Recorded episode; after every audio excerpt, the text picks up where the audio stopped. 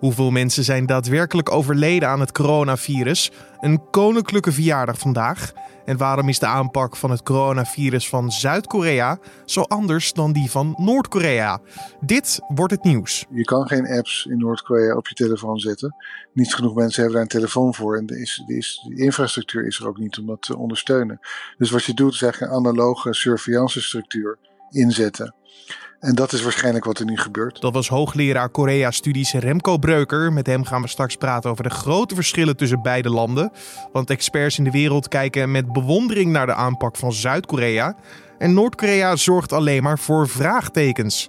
Waarom dat is, zoeken we straks uit. Maar eerst kijken we kort naar het belangrijkste nieuws van nu. Mijn naam is Carne van der Brink en het is vandaag vrijdag 10 april. De 19 eurolanden hebben een akkoord bereikt over een steunpakket. Dit voor landen die het hardst door de coronacrisis zijn getroffen. Dat meldt minister Wopke Hoekstra van Financiën. Verschillende landen melden dat het in totaal om een pakket van 500 miljard euro gaat. Het noodfonds was de afgelopen dagen het twistpunt tussen Italië en Nederland. Hoekstra stond erop dat er niet zomaar geld uitgeleend zou worden uit een fonds dat deels is gefinancierd met belastinggeld uit de eurolanden. De Italianen zagen dit als een gebrek aan solidariteit.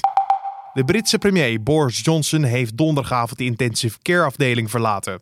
Zijn woordvoerder vertelde dat de minister-president zich zeer goed voelt. Maar Johnson moet nog wel in het ziekenhuis blijven, want de 55-jarige Johnson is besmet met het coronavirus. Ligt sinds afgelopen weekend in het ziekenhuis, omdat zijn klachten na twee weken thuisisolatie niet waren verminderd. De zorgverleners en bedrijven zijn ontevreden over de samenwerking met het ministerie van Volksgezondheid, Welzijn en Sport en het Landelijk Consortium Hulpmiddelen. Ze vinden dat er te lang is gewacht met besluiten nemen en de binnenlandse productie van mondkapjes veel eerder had kunnen beginnen. Het ministerie reageert tegen de krant door te benadrukken dat er honderden aanbiedingen zijn ontvangen, maar dat deze eerst zorgvuldig moesten worden gecontroleerd. Door het sluiten van de horeca kunnen boeren hun slagdieren niet verkopen, zo schrijft Trouw. De Centrale Organisatie voor de Vleessector zegt dat er een crisissituatie voor vleesbedrijven is ontstaan. Vooral kalverhouderijen zitten in het nauw doordat zij een overschot aan dieren hebben. Relatief duur vlees, zoals kalfsvlees, wordt vooral in restaurants verkocht en niet in supermarkten.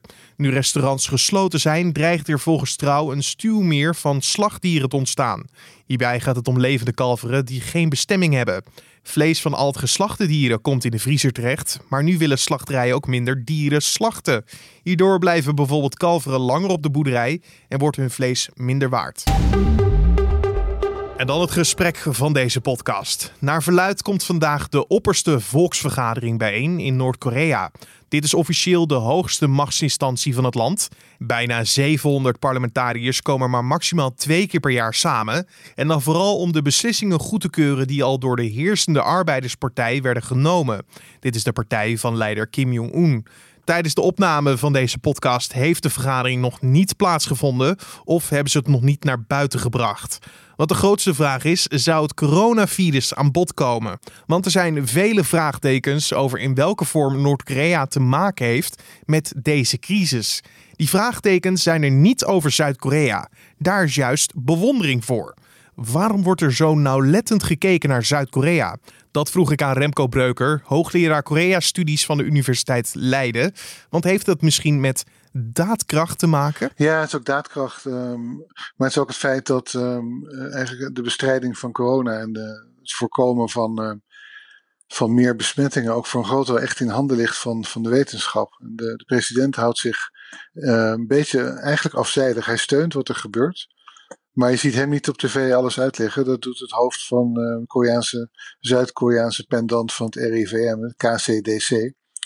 Dat is één ding. En het andere is dat er gewoon is echt heel goed nagedacht en is goed gebruik gemaakt van eerdere ervaringen met eerdere uh, epidemieën. Ja, dat heb ik even opgezocht, want ik dacht altijd dat ze de meeste lessen hadden geleerd van de SARS-epidemie. Maar het was eigenlijk MERS hè, waar ze het meeste van hebben geleerd. Klopt, beide, beide epidemieën hebben wel in Korea plaatsgevonden. Maar MERS was echt een, een kleine ramp. De aanpak daarvan was toen ook niet goed. Daar zijn allemaal nieuwe protocollen uit voortgekomen. En het blijkt dat die toch wel echt helpen. Dus die, die ervaring is er zeker ook. En maar het, is dan dat het protocol echt het direct opsporen en testen van vele gevallen, vele besmettingen? Ja, onder andere. Uh, maar ook het, het snel kunnen opschalen van, uh, medische hulp, de zorg dus goed kunnen inzetten. Er zijn, is wetgeving aangenomen waardoor de privacy apps, of waardoor de privacy kan worden geschonden op het moment dat het voor de volksgezondheid noodzakelijk is. Dus bijvoorbeeld de apps die, je, die bewegingen bijhouden gedurende de dag als je in isolatie verkeert. Dat soort maatregelen zijn allemaal na de MERS-epidemie genomen. Ja, in Nederland willen ze nu ook eh, met dit soort apps gaan werken. Ehm, alleen dan krijg je het punt van de privacy. Want ja, je wilt niet zomaar je persoonlijke gegevens overhandigen. Maakt niet uit aan wie. Ehm, in hoeverre speelt deze kwestie eh, een rol in Zuid-Korea?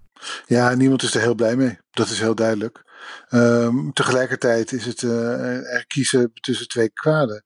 Je kan nee zeggen tegen die privacy schendende apps, want je privacy schenden doen ze. Um, maar dan tegelijkertijd is het wel zo dat, uh, dat je dan thuis kan blijven, dat je niet meer naar je werk kan. Dat je net zoals in Nederland eigenlijk thuis moet blijven zitten totdat uh, de ergste storm voorbij is.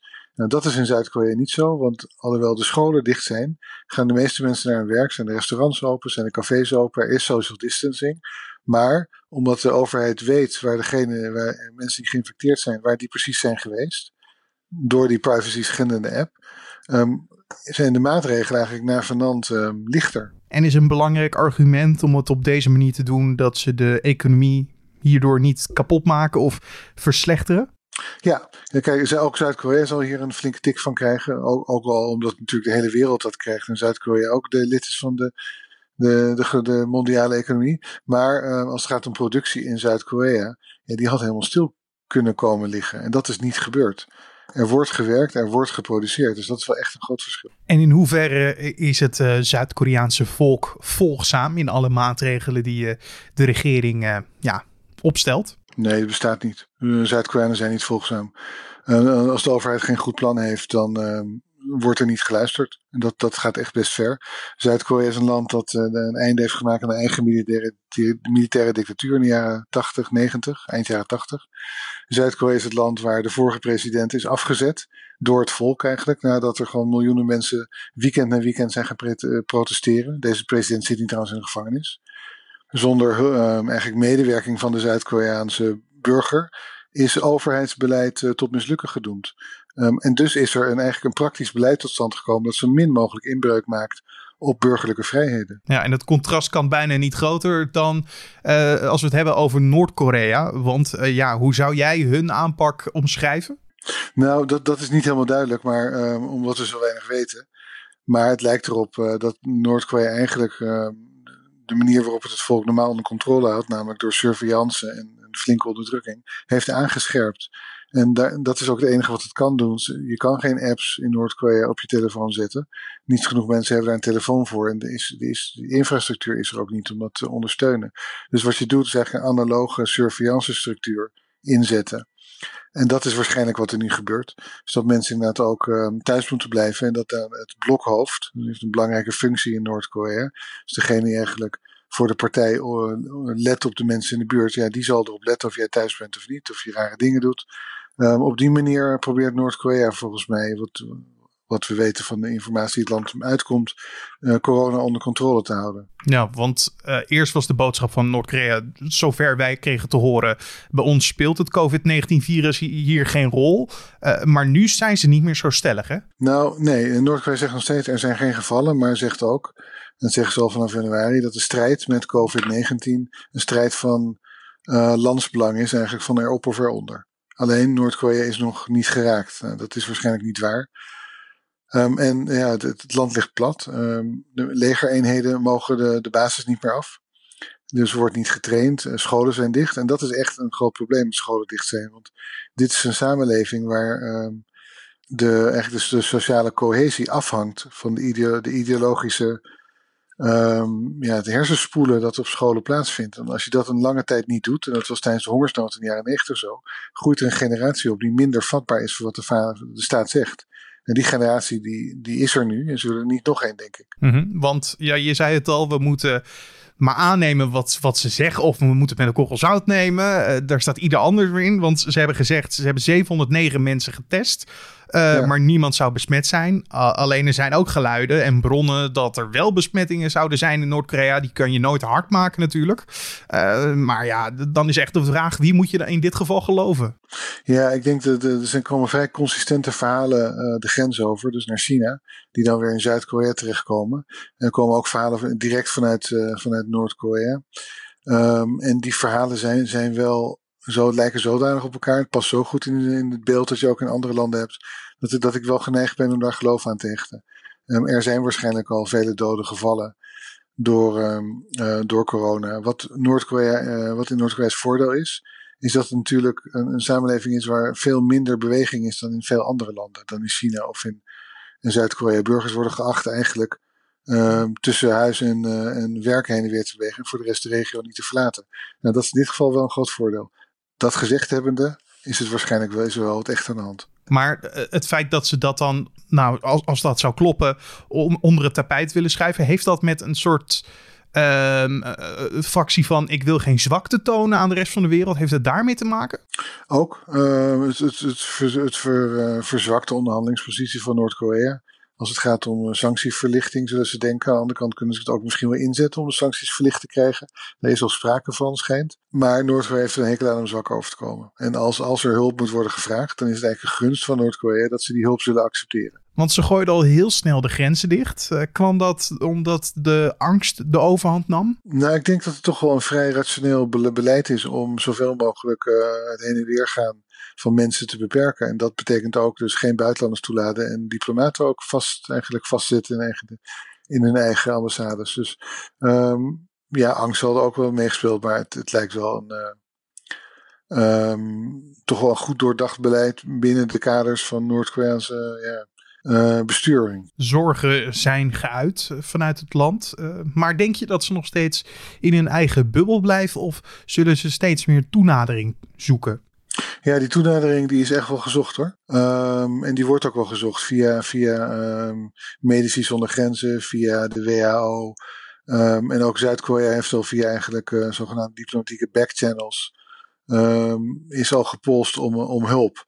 Dus Noord-Korea heeft die hulp wel nodig, maar zegt inderdaad nog niet de, waar, dat het echt gaat om, uh, om uh, COVID. Uh, 19 uitbraken. Afsluitend, eh, misschien samenvattend als we het hebben over beide gebieden, Noord- en Zuid-Korea. Wat kunnen de gevolgen voor, voor beide delen zijn als we het hebben over deze, nou ja, over dit virus, maar ook de coronacrisis? Ja, in, Zuid-Korea, de, ja, de gevolgen kunnen natuurlijk een ontwrichte economie zijn. Dat, dat heeft weer zijn gevolgen voor, voor, de, voor, voor, de, voor de, de maatschappij. Uh, maar um, Zuid-Korea pakt dit zodanig doortastend en rationeel aan. En het beleid wordt ook gesteund door een groot deel van de, van de bevolking, een groot deel van de bevolking. Dat ze hele goede kaart hebben om dat onder controle te houden. En wat dat betreft ook toch wel echt een voorbeeld zijn voor de rest van de wereld. Uh, zowel Duitsland, Zweden als Frankrijk volgens mij hebben al uh, Zuid-Korea als lichtend voorbeeld genomen. Noord-Korea, dat is echt een ander verhaal. Um, in het begin heeft Kim Jong-un, heeft het regime eigenlijk al gezegd corona maakt hier geen kans, want dit is een perfect land. Als corona toch hard toeslaat, en dat is een bevolking die natuurlijk toch al weinig uh, te eten heeft, dan um, leidt de geloofwaardigheid van het regime er zwaar onder. Een kwetsbare economie wordt, uh, wordt zwaar geraakt. En dan, dan, dan krijg je natuurlijk allerlei processen die zichzelf gaan versterken. Dus wie weet waar het eindigt. Daar is het regime bang voor, denk ik. Dat dit een, de nekslag kan zijn voor, voor het eigen regime. Of dat gaat gebeuren of niet, weet ik niet. Hangt af van hoe serieus de situatie nu is. Maar het is niet, niet uitgesloten. Dat was Korea-deskundige Remco Breuker. En dan kijken we wat er verder nog op de agenda voor vandaag staat. Het Centraal Bureau voor de Statistiek komt vandaag met de nieuwe cijfers over sterfgevallen in Nederland. Hieruit kan grofweg worden opgemaakt hoeveel mensen er in totaal zijn komen te overlijden aan het coronavirus. Het sterftecijfer van het RIVM betrekt alleen mensen waarvan is vastgesteld dat ze zijn getroffen door het COVID-19-virus. Maar er overlijdt ook een aanzienlijk aantal mensen dat uiteindelijk nooit is getest. Een groot feest vandaag op Paleis Huis ten Bosch. Want prinses Ariaan viert vandaag haar verjaardag. Ze wordt 13 jaar en door de coronacrisis zal ze waarschijnlijk het niet groots kunnen vieren. Maar wel namens de podcast van harte gefeliciteerd. En het is vandaag Goede Vrijdag. Op deze dag herdenken christenen de kruisiging en dood van Jezus Christus. En dan het weer. Het wordt een zonnige vrijdag met soms hoge wolkenvelden, die vooral in het noorden van het land zullen voorkomen. In het noorden kan het 14 graden worden en in het zuiden van het land 21 graden. En er waait een zwakke tot matige oostenwind. En om af te sluiten nog een zeer opmerkelijke vondst. Want onderzoekers van het Schmid Oceaan Instituut hebben een kwal gevonden in de zee langs Australië. Die mogelijk de grootste kwallensliert ooit heeft. De sliert is spiraalvormig, waarvan de buitenste kring een diameter van 47 meter heeft.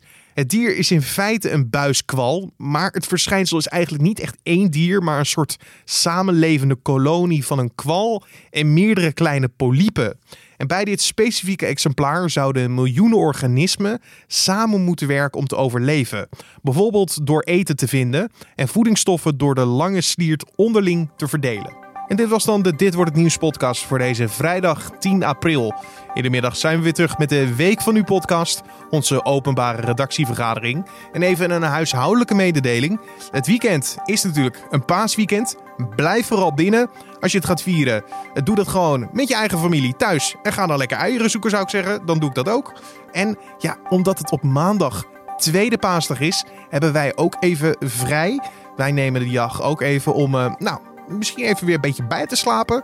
En uh, dan zijn we dinsdag weer terug met een normale Dit Wordt Het Nieuws podcast. Dus ik wens je een heel mooi paasweekend. Ga ervan genieten. Dan ga ik dat 100% ook doen. En dan spreken we elkaar weer dinsdag. Tot dan.